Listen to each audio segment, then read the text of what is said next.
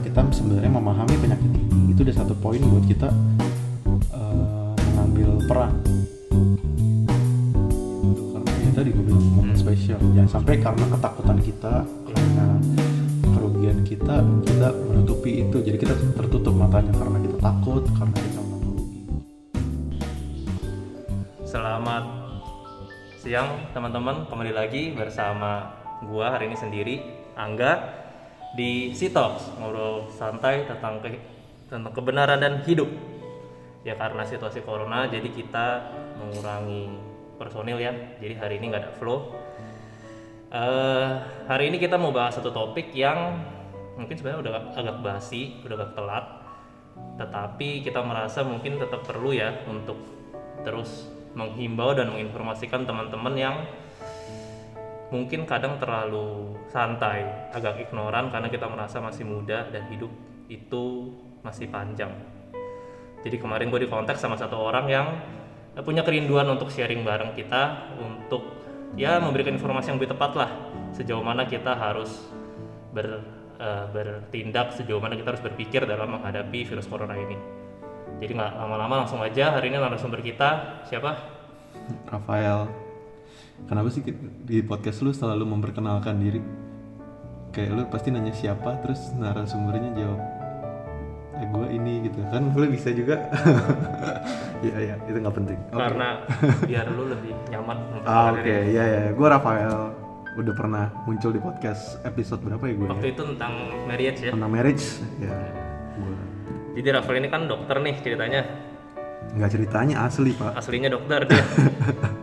Jadi beliau ini setiap hari ber ber hubungan langsung enggak sih? Berhubungan langsung enggak sih? Eh, ya ter apa ya namanya ya? Bersinggungan langsung dengan pasien sehingga beresiko tinggi untuk bersinggungan langsung dengan pasien-pasien corona Gi- gitulah prinsipnya. Jadi ini kita langsung sama orangnya yang praktek lapangan yang setiap hari menerapkan social distancing yoi. Sedih. Jadi mungkin pertama-tama mau nanya dulu sih Val. Eh, sebenarnya situasi di lapangan nih ini kan udah masuk udah berapa lama sih kita corona di Indonesia jadi positif? Mungkin sebulanan ya. Sebulanan ya? Secara sebulanan kita kan dengar berita penambahan cukup banyak. Tapi sebenarnya di lapangan gimana sih kondisinya? Eh, Oke, kalau sekarang sih memang kondisinya apa ya lebih susah diprediksi. Kalau di Indonesia ya kita nggak bisa menilai karena angka yang muncul baik itu positif, ODP, PDP atau sembuh itu bukan nilai real ya kalau yang gue percayai. Beneran segitu aslinya di Indonesia. Karena memang satu keterbatasan dalam pemeriksaan eh, durasi pemeriksaan juga tidak sebentar eh, dan kalau memang dari awal bahkan yang pertama kali positif itu sebenarnya Indonesia udah diprediksi positif dari beberapa lama waktu sebelumnya gitu. Jadi kalau lihat klaster-klaster penularannya memang mungkin jumlahnya bisa jauh lebih banyak daripada yang sekarang yang kita tidak ketahui. Baik itu tidak bergejala baik itu mungkin gejalanya ringan gitu. Tapi ternyata bisa jadi carrier atau positif corona itu sendiri gitu. Itu kondisi yang sekarang sih memang kita jadi nggak bisa nilai sulit untuk menilai apakah ini termasuk kategori yang sangat berat sekali atau ini cukup baik dibanding negara-negara lain ya kita nggak nggak tahu gitu sejauh mana. Tapi ya kondisi realnya kalau yang kita bisa lihat pendeta-pendeta banyak yang kena baik itu di klaster-klaster gereja penularannya Eh, mungkin kita juga banyak kenal keluarga-keluarga yang udah kena. Eh, kebetulan om gua kena. Om gua kena yang dokter. Eh, yang yang pendeta. Bukan bukan. Dia ada kakaknya bokap gua. Setahu gue dapat penularannya juga dari gereja. Dia positif sekarang lagi self quarantine di rumah.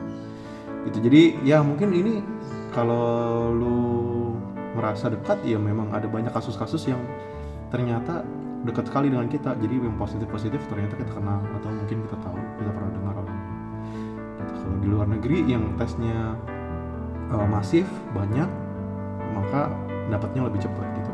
Maka banyak artis-artis yang mungkin ketahuan Hmm. ya jadi kita sulit untuk menilai kondisi yang sekarang oh sekarang kondisinya baik oh sekarang kondisinya biasa aja oh kondisinya sekarang berubah.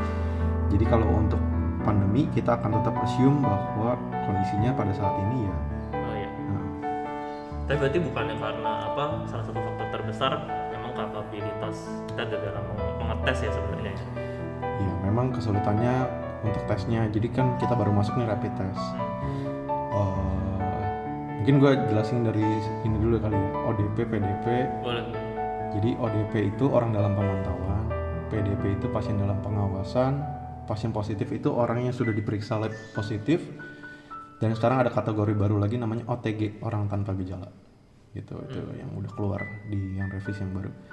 Nah, untuk ODP itu adalah orang-orang yang mungkin punya keluhan eh, dan mungkin pernah bersinggungan dengan orang-orang yang eh, mungkin positif COVID punya resiko lah ya gitu ya punya resiko. Nah dia punya gejala batuk, eh, demam, sesak, nyeri tenggorokan itu gejala-gejala yang awal. pilek malah bukan ya Pilek tidak khas.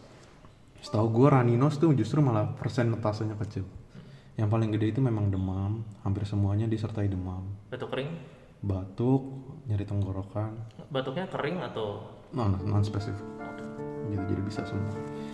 Gitu jadi kalau lu punya gejala itu dan lu uh, beresiko dengan misalnya udah ada kontak sebelumnya, status lu nanti akan masuk dalam kategori orang dalam uh, pemantauan. pemantauan Kalau PDP pasien dalam pengawasan itu lebih ke lu ada gejala sesaknya.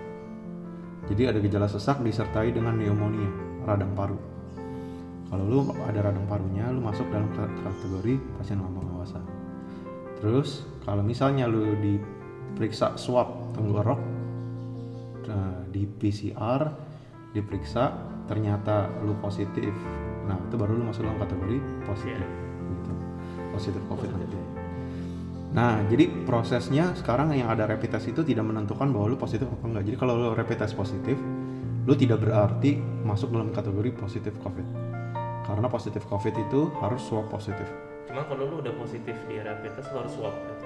Ya, betul. Jadi nanti kenapa angkanya karena udah rapid test nggak langsung melonjak tinggi? Karena itu, karena rapid test itu tidak semerta-merta menentukan lu positif atau negatif. Lu rapid test negatif belum tentu lu negatif. Rapid test itu jadi cuma diambil darahnya, dicek ada antibodinya atau enggak terhadap virus itu. Jadi virus itu masuk membentuk antibodi. Nah, dicek antibodinya ada apa enggak di lu gitu. Nah, in case misalnya jadi antibodi itu terbentuk di hari ke-8 sampai hari ke-10 dari infeksi. In case misalnya lu dicek masih belum terbentuk antibodi lu tapi lu sudah terinfeksi sehingga negatifnya tidak membuktikan bahwa lu negatif. Jadi rapid test itu bukan untuk diagnostik, bukan untuk lu menentukan lu positif atau negatif. Lebih ke arah surveillance untuk menangkap orang-orang yang positif. Jadi kita tahu oh, pasien mana yang harus kita prioritaskan untuk di swab oh gitu. Jadi makanya ja- mungkin ada yang berbondong-bondong beli rapid test untuk dicek gue negatif atau positif. Itu tidak ada maknanya buat lu sendiri kalau lu mau tahu. Kalau lu memang benar-benar mau tahu harusnya swab. Gitu. Cuma sekarang kalau lu mau swab lu harus ada reference salah satunya itu mungkin untuk Eh. orang yang nggak ada gejala sama sekali Ya, ya enggak. Ya kecuali lu punya uang ya, bayar mahal sih cukup mahal untuk pemeriksaan itu. Udah banyak sih rumah sakit rumah sakit yang itu swab. Cuman ya memang pada saat seperti ini kalau menurut gua harus diprioritaskan karena kan pemeriksaan swab itu kita utamakan sebenarnya untuk orang-orang yang bergejala yang PDP PDP tadi. PDP PDP itu kenapa di Indonesia death rate-nya tinggi? Karena pasien yang lu diperiksain kondisinya udah berat, gitu pasien-pasien yang udah sesek, yang udah pakai alat mesin nafas, semua diperiksain swab. Ya kalau misalnya dia positif udah dan habis itu meninggal, ya makanya dianggapnya meninggal COVID. Death rate kita ya akan tinggi. Padahal actually harusnya nggak sampai setinggi ini. Ini aja sebenarnya udah nurun kan kalau lihat. iya udah mending lah Karena pemeriksaannya udah lebih masif, udah lebih banyak lab-lab yang buka. Gitu. apa yang bikin lama sih sebenarnya? apa yang bikin kayak tes swabnya itu lama Um, jadi yang bikin lama satu senternya nggak terlalu banyak. Senternya masih terpusat di beberapa lab karena labnya itu bukan lab yang bisa kayak kita lab biasa gitu. Dia ada sec- security levelnya khusus gitu.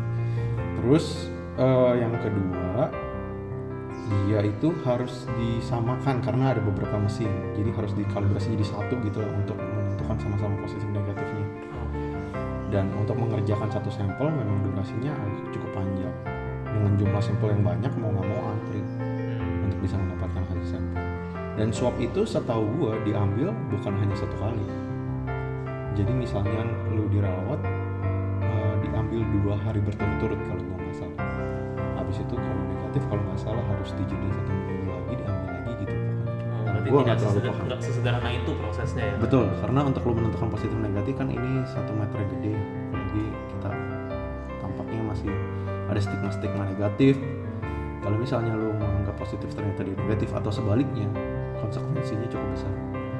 Gitu. dan eh, terpusat. Jadi pengumuman itu nggak bisa dari lab langsung ngumumin oh lu positif atau negatif harus dikembalikan ke dinas kesehatan baik provinsi atau pusat Eh, nanti mereka yang mengumumkan gitu. nanti baru lu di- mungkin di kontak sama eh, pihak puskesmas atau itu kalau misalnya di atau rumah sakit berarti pihak rumah sakit bahwa hasilnya demikian gitu. jadi lebih ke situ sih ya memang satu secara prosedural prosedural ribet dan memang ya kalau kita lihat alatnya belum ada banyak jadi ya po- posisinya panjang untuk Hmm, hmm. Nah, tapi kalau maksud gua secara lu praktis nih lu kerja di rumah sakit umum aja ya? Nah, iya. nah itu Hmm. banyak nggak sih pasien-pasien yang datang setiap harinya untuk ODP ODP atau PDP PDP gitu? Jumlahnya dulu banyak. Dulu banyak. Dulu. Dulu tuh kira-kira mungkin sekitar satu bulan Nah, yang lalu sekarang? sampai dua minggu yang lalu. Sekarang menurun. Gue curiganya bukan karena jumlahnya menurun tapi karena orang mulai takut rumah sakit karena stigma masyarakat. Oke.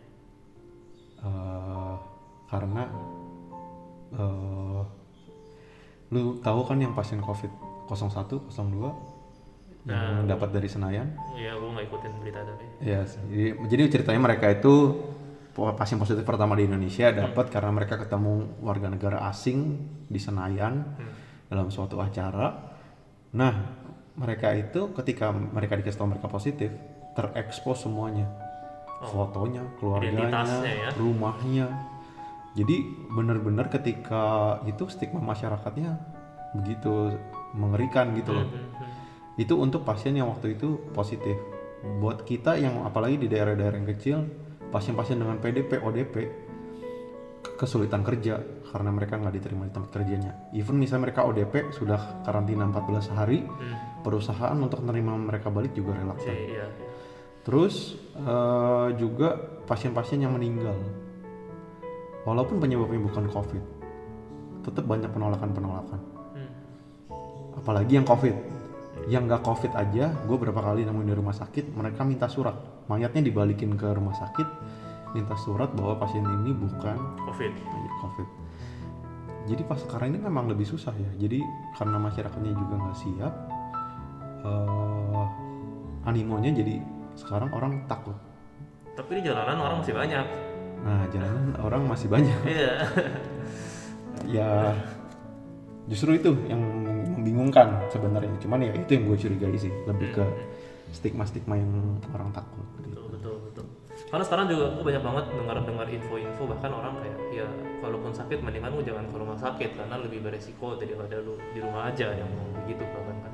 Ya memang betul sih. Tapi eh, kalau misalnya kita nggak mencari pertolongan kadang-kadang nanti datang kondisinya udah berat. Apalagi untuk pasien-pasien dengan apa ya komorbid. Komorbid tuh eh, penyakit dasar yang dia punyai.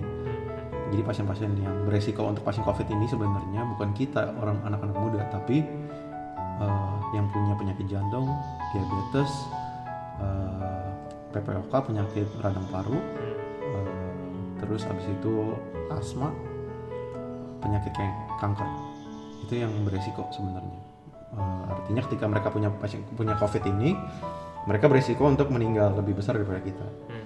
jadi ketika ini kita harusnya lebih mengkhawatirkan orang tua di rumah gitu atau kakek nenek yang tinggal sama kakek nenek di rumah karena mereka yang lebih beresiko untuk terkena dan lebih parah penyakitnya apabila terkena penyakit ini gitu. jadi barusan kan lu juga ada ngomong tuh berarti ngomong sebenarnya penyakit ini kecenderungannya biasanya bukan resikonya di anak-anak yang muda. Mungkin 30 ke bawah ya. Tapi untuk orang-orang yang berumur yang kalau setahu gue sih 50 ke atas atau punya uh, penyakit-penyakit underlying lah. Ya. nah jadi sebenarnya menurut lu sendiri uh, bagaimana kita ya ini kan podcast umumnya untuk anak-anak yang relatif muda ya. Bagaimana kita harus uh, menanggapi situasi yang seperti ini gitu. Karena banyak kecenderungannya yang gue tahu anak-anak akan merasa sih kalau gue personally gue merasa eh, kayaknya orang-orang yang tua lebay tapi nanti orang-orang akan bilang yang anak-anak muda nih kayaknya terlalu cuek terlalu santai itu gimana menurut lo? Iya, memang menurut gue di saat seperti ini susah sih kita menempatkan yang sulit itu menempatkan kita di posisi yang pas antara kekhawatiran kita mengenai penyakit ini dan juga kewaspadaan kita. Jadi memang harus waspada tapi tidak khawatir Ya, gitu. Nah, memang yang gue lihat beberapa anak muda masih belum sadar aware penuh lah dengan penyakit ini. Masih mungkin apa ya pragmatis lah. Ya gue ya tetap mesti kerja misalnya. Ya gue mesti tetap melakukan pekerjaan gue supaya ini tapi tidak melakukan tindakan-tindakan yang bisa untuk mencegah gitu. Eh, ya yang tadi gue bilang concernnya tetap bukan karena soal kitanya lagi kembali lagi, tapi orang-orang di sekitar kita untuk kita memutus rantai penularannya juga gitu. Jadi kalau misalnya kita ngomongin ini sih lebih apa ya? Ada beberapa yang bisa kita lakukan. Yang pertama kita tahu dulu mengenai penyakitnya sehingga kita punya ketakutan yang pas atau waspada yang pas. Jadi ya tadi gue udah gambarin mengenai penyakitnya. Eh, mungkin kita eh, harus aware pola penularannya. Penularannya itu mostly lewat droplet. Droplet itu per- percikan air liur lu ketika lu mungkin ngomong, bersin, batuk. eh, itu menular lewat saluran pernafasan. Gitu. mata Iya bisa lewat mata. Jadi eh, masuk lewat mukos lah ya, jadi ceritanya. Eh, ada juga yang bilang airborne. ya Airborne itu dibilang dia bisa bertahan di udara sekitar 4 jam sampai 8 jam. Itu betul tapi untuk tindakan-tindakan medis. Jadi seperti nebula nebulasi kalau misalnya lo asma uap ya? diuap itu bisa menular lewat situ atau misalnya tindakan intubasi. Intubasi itu pemasangan selang nafas ventilator ventilator pemasangan mesin nafas itu beresiko eh, menimbulkan dia ada di udara. tapi kalau di dalam kondisi normal enggak Kondisi normal pada sampai saat ini penelitiannya belum. Tapi memang COVID ini kan penyakit yang baru, Mhm. Penyakit yang bisa muncul dalam berbagai jenis keluhan.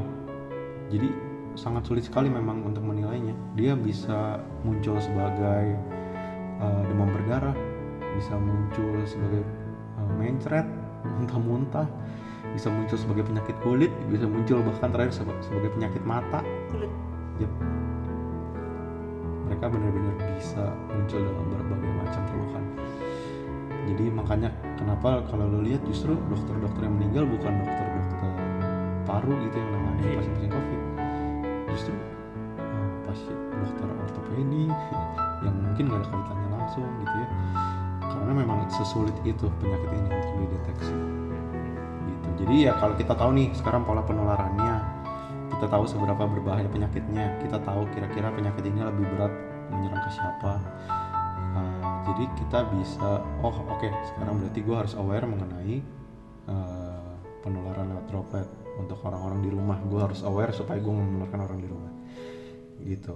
Nah, jadi ketakutan lu bukan ketakutan oh gue takut gue meninggal gitu misalnya karena penyakit ini. Walaupun yang tetap ada risikonya lah nggak bisa ngomong kita di bawah 30 tahun pasti aman. Nggak ada yang bilang itu juga. Walaupun itu tetap ada death rate-nya kalau nggak salah setahu gue 0,8 persen apa 0,7 persen itu 1% lah. worldwide ya ha. kecil banget memang. Jadi tapi ya tetap kita mesti ada kewaspadaan itu. Tapi kita nggak takut gitu. Atau misalnya kita takut dengan kondisi sosial ekonomi sehingga kita menampung banyak makanan di rumah. Nah itu ketakutan-ketakutan yang menurut gua nggak perlu gitu. Jadi kita bisa naruh di awareness yang pas. Sorry sama mungkin sedikit Val kalau ada yang bilang eh, covid ini bisa bertahan ketika dia misalnya droplet bersentuhan di meja dia bisa bertahan berapa jam itu validitasnya gimana betul itu bisa Uh, surface tergantung dia dari bahan apa Hmm. jadi beda-beda aluminium plastik gua nggak hafal secara real Tapi sih memang dia bisa. tapi kan? dia bisa bertahan di sana tapi penularannya jarang kan misalnya nih lu dropletnya di lantai lu hirup lantai kan jarang Hmm. balik lagi sebenarnya ke tangan jadi ketika lo megang handle pintu misalnya lift eh, railing eskalator Hmm.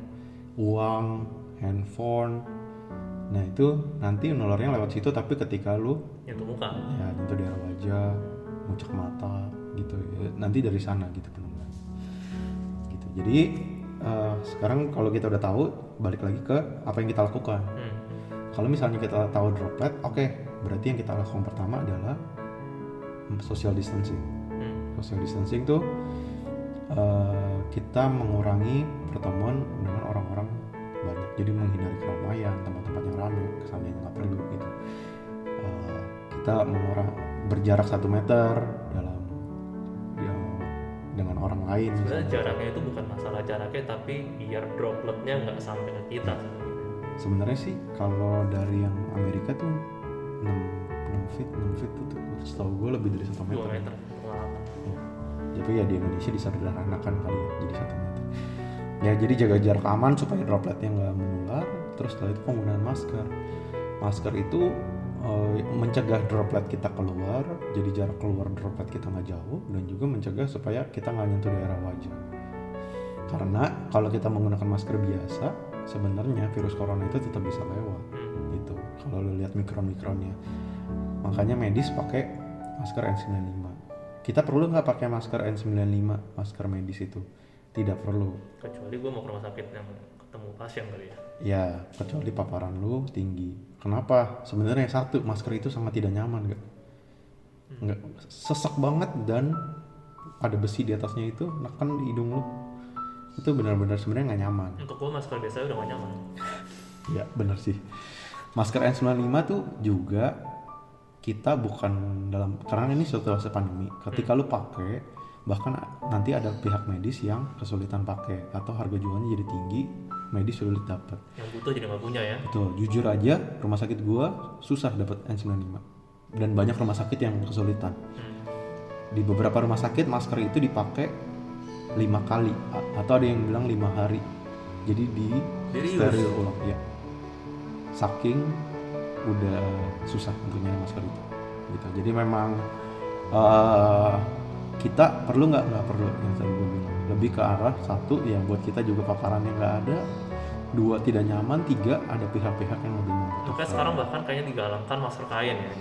Ya, padahal masker kain kan beda sama masker triple yang Sebenarnya. biasa kan. Tapi ya penularannya berkurang sampai jauh. Jadi eh, penggunaan masker penting menurut gua penting.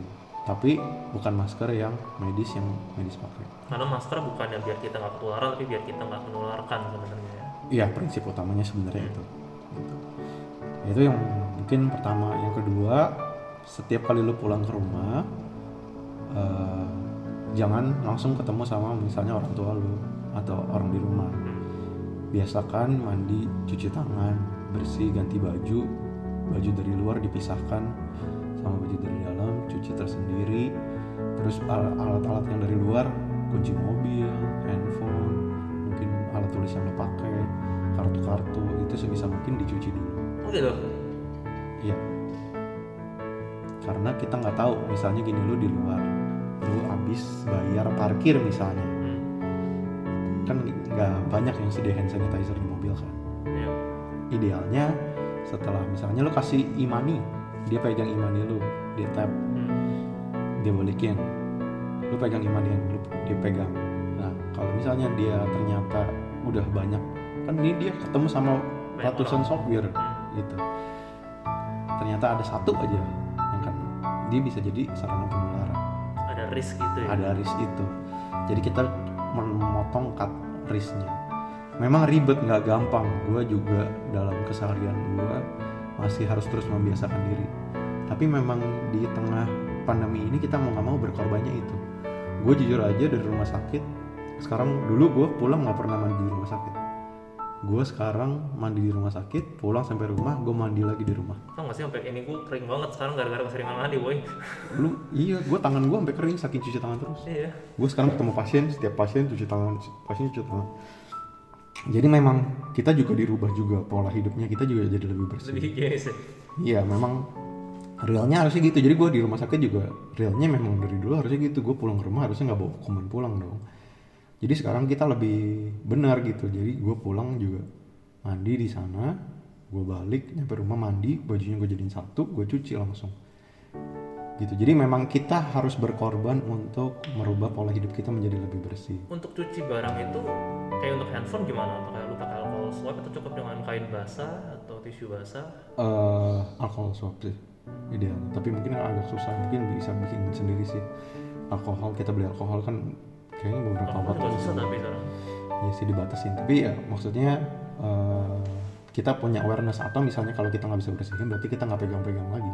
Taruh di depan gitu ya. Ya. Kan ini biasa kita bawa sampai kasur. Hmm. biasa kita mungkin taruh di meja depan sembarangan gitu. Itu jadi kita kalau udah ada awarenessnya even though nggak bisa dibersihin habis pegang handphone cuci tangan lu baru masuk kamar nggak dibawa ma- masuk handphone ke kamar. Ya kayak gitu gitulah jadi itu sacrifice yang bisa kita lakukan yang kedua. Terus eh, yang ketiga juga kita bisa eh, meng- kalau misalnya ada gejala kita self quarantine yang tadi gue bilang demam batuk sesak nyari tenggorokan. Kalau misalnya memang kita nggak mau ke rumah sakit ada hotline hotline yang bisa dihubungin. Lu bisa cari hotline untuk dihubungin. Nanti kita kasih nomor Rafael juga bisa? Ya bisa bisa bisa. Ntar lu kontak gua ya kita bisa misalnya oh demam di rumah aja. Setelah empat hari oh periksa lab. Jadi kita mengurangi juga resiko buat kita juga gitu. Dan kita selama itu jangan ketemu orang jangan keluar. Karena kita nggak tahu. Jadi prinsipnya selama pandemi ini adalah kita berusaha sebisa mungkin seperti kita terinfeksi. Kayak misalnya gua saat ini gua memisahkan diri dari istri dan anak gua dari rumah.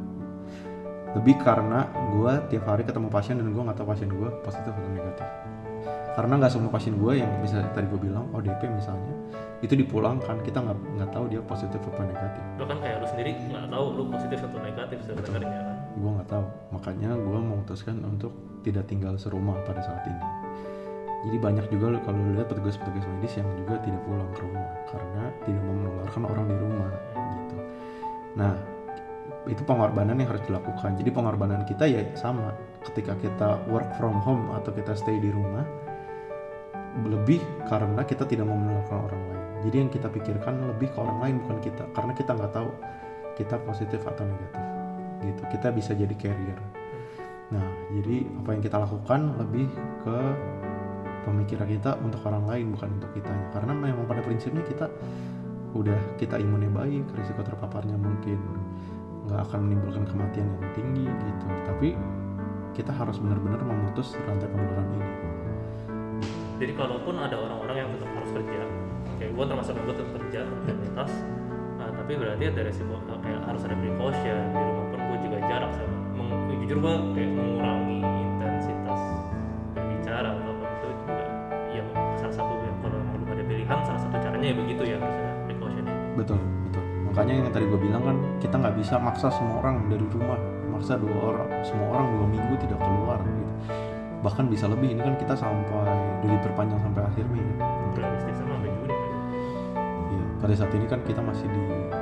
Apalagi nanti tanggal 18 daerah Tangerang iya ikut juga membatasi membatasi ya PSBB. Jadi lebih apa ya namanya ya kita akan banyak waktu untuk di rumah.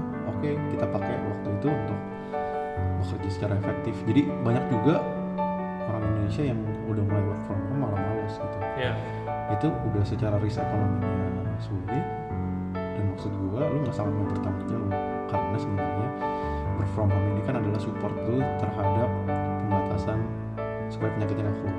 Nah, takutnya perusahaan-perusahaan merasa work from home tidak efektif karena lu tidak mengerjakan pekerjaan lu dengan baik.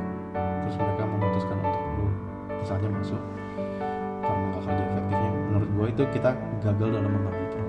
Gitu. Jadi apa pun yang kita kerjakan kembali lagi lu harus pikirin konsekuensinya secara umum gitu. Jadi ketika lu mengerjakan segala sesuatu tetap oke gua melakukan ini sebenarnya untuk apa gitu. Jadi kita nggak oh walaupun work from home kita mengerjakan sesuatu kerja dengan baik itu sebenarnya udah mengambil bagian juga dalam memutus eh, rantai penularan. dan itu kita tetap harus tahu ya kayak kita kerja buat apa kita mulai aware untuk hal-hal kecil yang kita lakukan gitu. Mungkin satu lagi Fang sebelum ini kelupaan eh, untuk soal precaution sih. Banyak juga kan kayak gua termasuk. Jadi ini eh, ada ada isu-isu ada yang ngomong kekhawatiran jangan makan di luar makan makanan di rumah aja karena lu nggak tahu di luar gimana gimana. Nah itu gimana menurut lu validitasnya Eh, iya idealnya sih memang makan makanan di rumah kalau menurut gua nih. Hmm.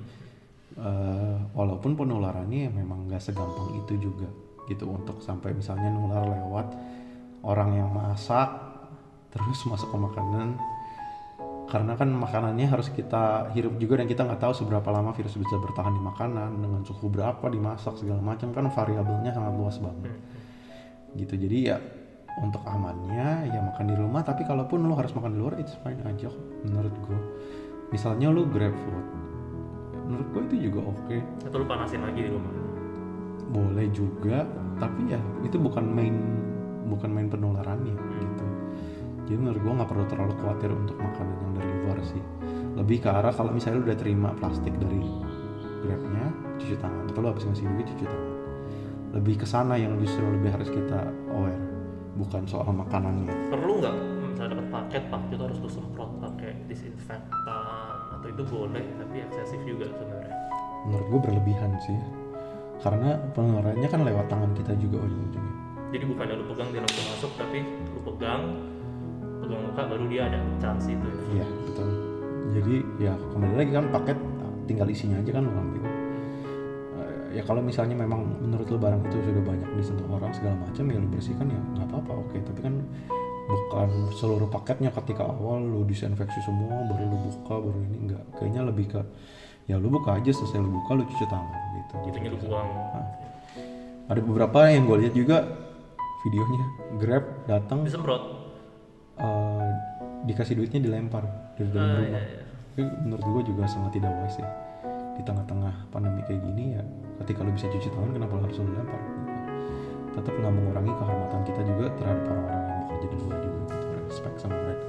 ya memang sekarang gue lihat kadang-kadang ada kekhawatiran tuh kesannya lu pegang dia langsung penetrasi lewat kulit dan langsung lu infected gitu Betul. Makanya gue bilang ketika kita sebenarnya memahami penyakit ini, itu udah satu poin buat kita peran. Gue mengambil peran itu dengan kita memahami penyakit, mempelajari misalnya kita mempelajari penyakit ini, tahu pola penularannya dan segala macamnya. Itu menurut gue udah satu poin yang bisa lo lakukan lo untuk lo kerjain. dan belajar dari sumber yang terpercaya kredibel ya jangan sekedar dari internet Iya, atau grup WA. gitu ya tetap kita cross check misalnya kita ada dapat info apa, kita cross check, cari di internet kan sebenarnya kita gampang kok nyari di internet. Cari sumber-sumber yang valid, berita-berita yang valid gitu kita cross check sebenarnya asal lu jangan buka blogspot blogspot di internet ya gitu ya sebenarnya banyak kok info-info yang bisa kita dapat gitu. Atau kalau misalnya lu mau cross check bisa juga tanya langsung ke gua. Hmm. Atau ke dokter-dokter ke dokter-dokter di sekitar gitu. Jadi ya ngambil peran itu nggak harus kita oh gue mau datang ke rumah sakit menjadi relawan gitu gue mau melakukan sesuatu apa gitu. Menurut gue ketika lu udah ngerjain hal-hal yang ini itu udah satu bagian. Sebenarnya pentingnya apa sih? Yang lu pernah lihat nggak sih yang melandai melandai Iya, iya, grafik ya? Supaya tenaga medis nggak overwhelm ya? Enggak ya overwhelm. jadi orang-orang tetap bisa dapat pelayanan medis yang maksimal. Mesin ventilator kita tuh sedikit banget. Kalau Iya. kita nggak cut off walau mungkin walaupun mungkin durasinya akan makin panjang ya. Tapi ya tetap harus kita lakukan supaya kita bisa menyelamatkan lebih banyak orang. Dan masalah ventilator yang pakai nggak cuma orang corona kan? Betul betul gitu. Tanpa rumah sakit gua tanpa corona aja ventilator kadang-kadang nggak cukup. Realnya gitu. Apalagi nanti kita ditambah dengan ini. Bangsal-bangsal rumah sakit gua sering banget penuh.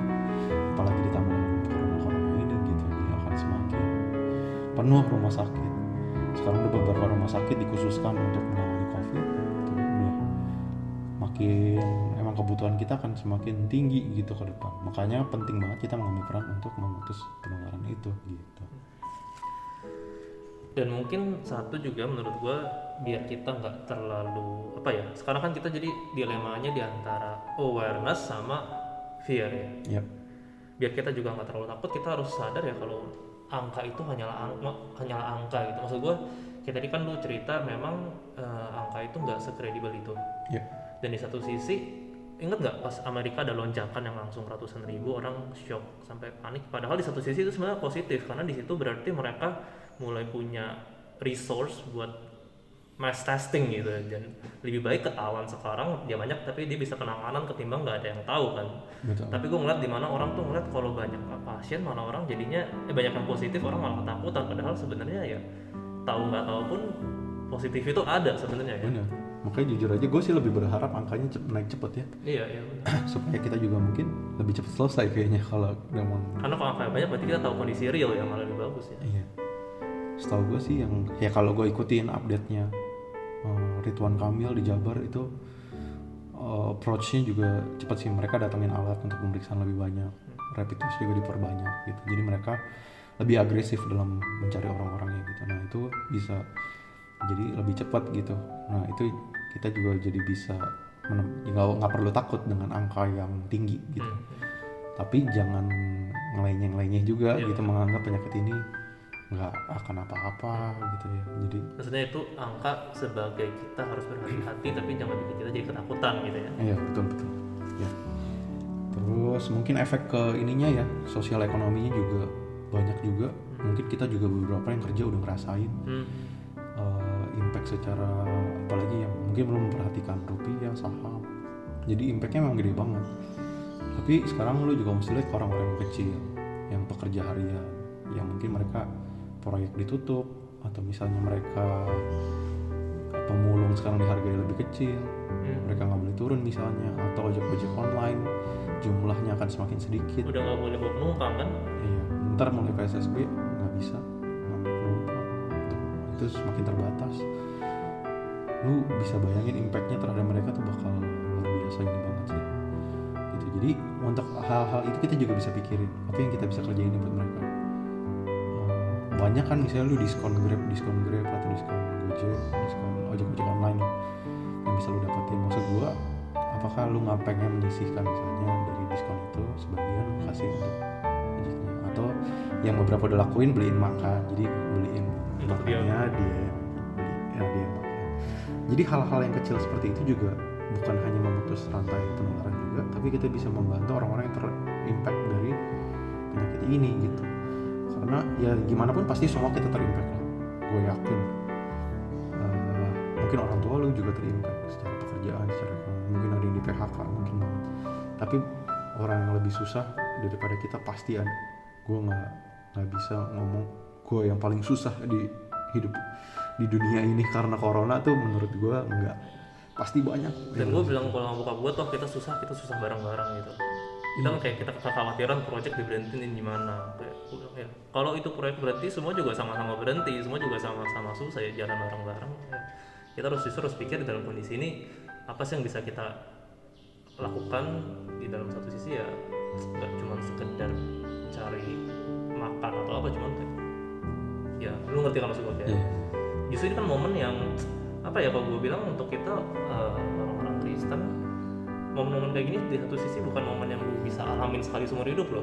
Betul betul betul banget. Mungkin generasi yang atas kita aja nggak ngerasain pandemi yang kayak gini. Iya belum pernah ngerasain kayak gini. Mm-mm. jadi ya memang kita harus melihat ini juga sebagai kesempatan sih. Kita juga sempat ngobrol-ngobrol ya kita Iya. mau bikin satu project bantu-bantu. Mungkin nanti kita ajak teman-teman join juga karena kita harus bergerak juga di tengah momen seperti ini kesempatan pasti Tuhan mau pakai kita harus uh, punya kepekaan juga di tengah-tengah ini. Banyak dari kita mungkin lebih sibuk bikin benteng buat diri kita sendiri. Gua nggak mau gue rugi. Wah gue liat saham gue nih gue lebih pusing ngurusin saham kita atau ngurusin itu. Tapi kita nggak mau mikirin mengenai pandeminya sendiri nggak mau self quarantine bosan di rumah gue mau keluar gue mau jalan-jalan gue mau jalan-jalan tetap ngerjain hal-hal yang biasa sehari-hari kita lakuin padahal bisa kita kurangin gitu.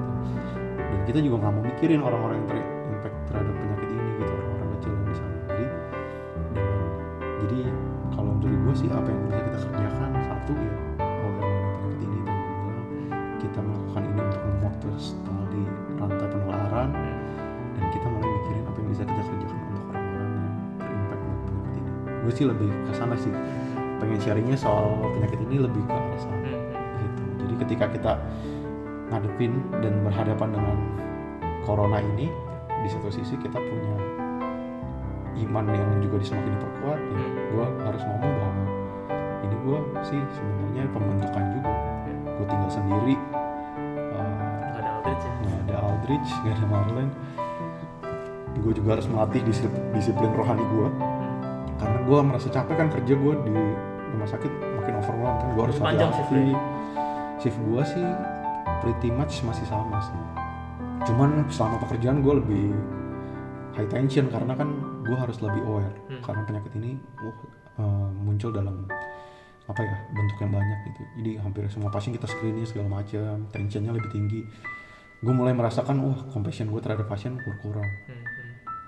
gue saat teduh malam soal gracious words kata-kata yang baik bisa menyembuhkan itu ada di Amsal Hmm, hmm. menegur gue banget tuh. Jadi gue juga ternyata di tengah-tengah virus ini gue juga harus belajar gimana gue act di gawat darurat gitu.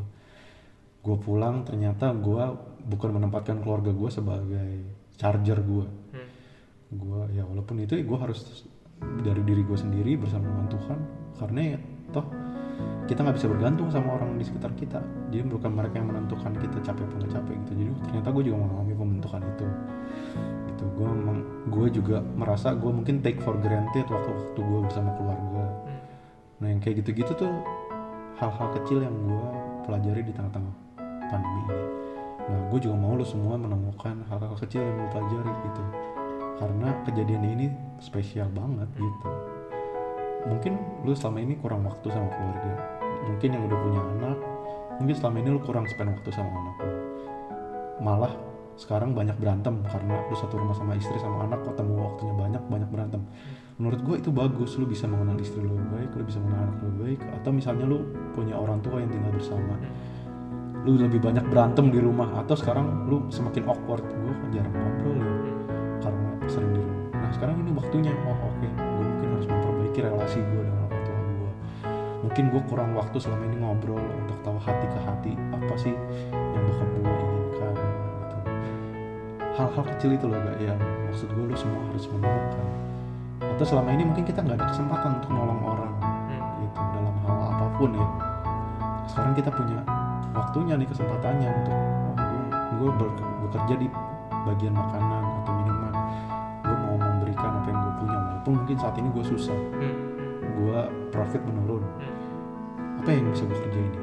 Gitu. jadi hal-hal kecil yang kita terus berubah dan kita terus menjadi lebih baik juga dan kita lebih aware apa yang Tuhan inginkan dalam kehidupan kita dalam poin-poin yang kecil itu. Gitu sih. Jadi jangan sampai momen-momen yang tanda kutip istilahnya berharga. Karena momen yang spesial ini spesial tanda kutip ya. Jangan sampai berlalu begitu aja tapi bagaimana kita bisa tahu kira-kira sebenarnya mungkin kita juga sebagai orang Kristen harusnya ada kesadaran ini tuh di bawah providensi Allah dan Tuhan pasti punya rencana untuk setiap kita ya. Gitu. di dalam kesulitan kita di dalam apa pun itu kita harus bisa gimana mencari itu di dalam saat-saat seperti ini. Iya betul. Karena ya tadi gue bilang momen spesial. Dan sampai karena ketakutan kita karena kerugian kita kita menutupi itu. Jadi kita tertutup matanya karena kita takut karena kita nggak rugi kembali lagi kita bisa apa ya? Jadi lebih refleksi juga. Oh selama ini mungkin ya kayak tadi gue bilang gue selama ini ternyata kerja overwhelm gue nggak punya compassion terhadap pasien nggak merawat dengan kasih kata-kata gue lebih banyak gue ngomelin pasien misalnya gitu. Nah, mungkin kita bisa refleksi oh mungkin gue selama ini terlalu terfokus terhadap uang kalau kerjaan gue kok tidak sesuai dengan panggilan gue hubungan gue dengan orang tua bagaimana. Ini mom- momen yang bagus banget sih buat kita semua untuk bisa kembali em, menemukan apa yang Tuhan inginkan dalam kehidupan kita gitu. sebenarnya di momen kita punya kekhawatiran kita bisa refleksi dan kita lihat kenapa aku khawatir sama ini apa yang menyebabkan aku khawatir kira-kira Hmm. berarti aku harus gimana gitu ya ya betul betul banget itu itu sih yang memang kita balik lagi jadi menumbuhkan iman kita semua juga Hmm. gitu semakin kita bertumbuh semakin serupa dengan Tuhan kembali lagi ke sana Hmm. gitu jadi memang ini bukan hal yang sepele tentu tapi apa ya ini bukan hal yang sepele ini memang juga hal yang tanda kutip ya cukup menyeram- menyeramkan lah resiko itu ada kematian itu nyata. Tapi gimana kita jangan menyepelekan kita harus punya mungkin kayak confidence lah in God ya dan Hmm. Tuhan. Tapi di satu sisi juga kita harus ada eh, satu level ke apa ya, kewaspadaan lah ya. Betul betul. Itu yang gue bilang susah menempatkan di tengah-tengahnya itu. Hmm. banyak kan momen-momen agama terlalu cuek ya ya ya kenapa emang kalau misalnya gue mau peluk gue peluk aja.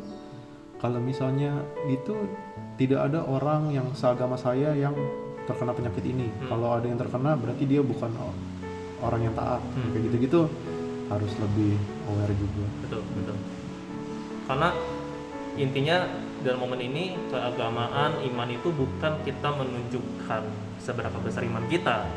Ya tapi bagaimana kita justru di dalam kalau kita bilang kita orang beriman kita bisa satu tentu bertanggung jawab terus mengasihi bagaimana di praktisnya yang lebih baik lah ya Dan- Iya. Jadi menumbuhkan iman kita bukan kita pada saat ini karena iman kita besar kita tidak kena penyakit.